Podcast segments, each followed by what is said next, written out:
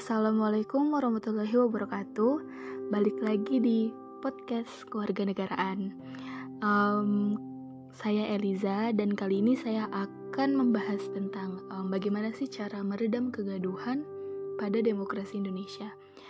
Um, seperti yang kita tahu, Indonesia adalah negara demokrasi uh, di mana kekuasaan tertinggi ada di tangan rakyat, sehingga rakyat berhak untuk menyampaikan aspirasinya dan pemerintah berkewajiban untuk mendengarkan segala keluhan rakyat.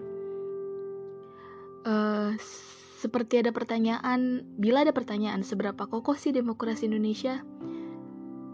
Pertanyaan itu menggambarkan kegalauan menyaksikan arus perkembangan uh, politik Indonesia yang tidak mencerminkan peningkatan kualitas sekalipun penyelenggara demokrasi secara formal dapat digolongkan uh, lancar, damai, bahkan mapan. Akan tetapi proses dan capaian perubahan tidak sesuai dengan yang diharapkan corak reformasi politik uh, justru makin kabur dikacaukan oleh banyaknya kasus korupsi, kegaduhan manuver politik dangkal, seperti uh, sejumlah keculasan menandai sengketa kuasa yang menyertai hingga hingar-bingar demokrasi.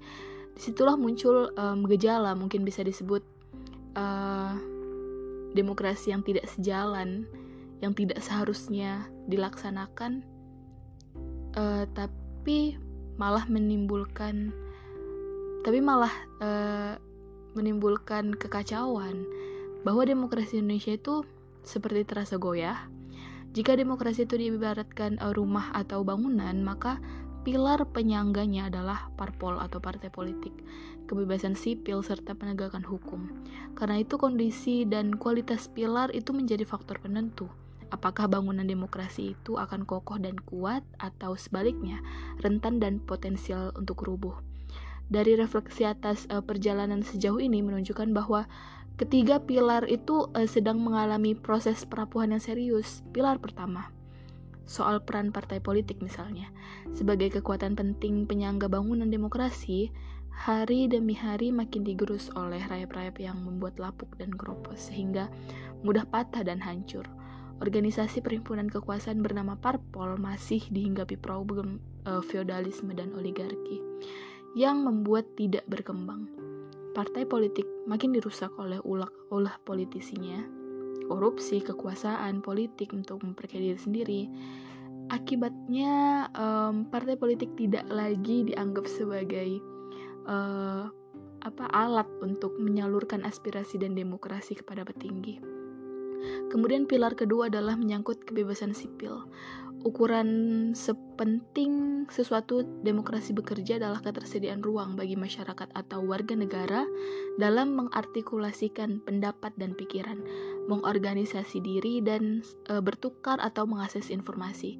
Jika masyarakat tumbuh berkembang dan kuat maka akan mampu mengimbangi negara dan elemen-elemen masyarakat politiknya.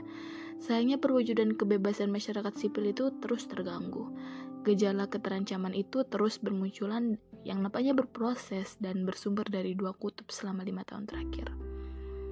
Dan dari situ kita bisa menyimpulkan bahwa e, demokrasi yang ada di Indonesia tidak berjalan dengan sedemikian rupa.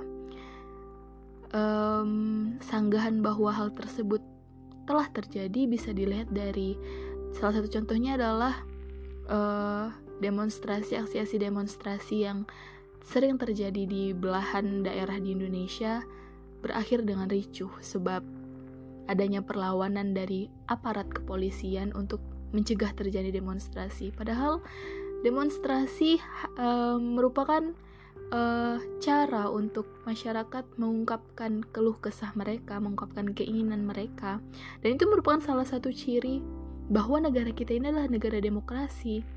Demonstrasi itu bukan suatu hal yang uh, dapat menjadi ancaman ke sat, apa menjadi ancaman um, perpecahan, namun malah menurut saya demokrasi itu malah menjadi salah satu kunci persatuan sebab kita mampu bersatu untuk menuntut pemerintah bekerja lebih baik lagi, untuk menuntut pemerintah memberikan yang terbaik untuk rakyatnya.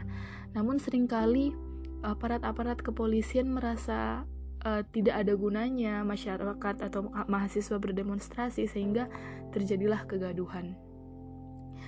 Um, alhasil uh, aktivitas demonstra aktivitas demokrasi yang ada yang seharusnya kita lakukan yang boleh kita lakukan malah terhalang.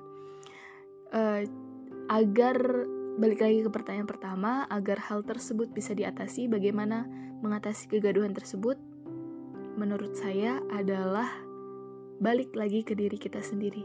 Sebagai kita yang berdemonstrasi misalkan dalam demonstrasi ya, kita yang berdemokrasi dalam demonstrasi misalkan um, mahasiswa misalkan kita sebagai mahasiswa bagaimana cara mencegah kegaduhan ini? Mengalah. Mengapa? Sebab mahasiswa yang memiliki semangat yang berkobar-kobar itu tetap akan kalah sama kekuatan yang dimiliki polisi.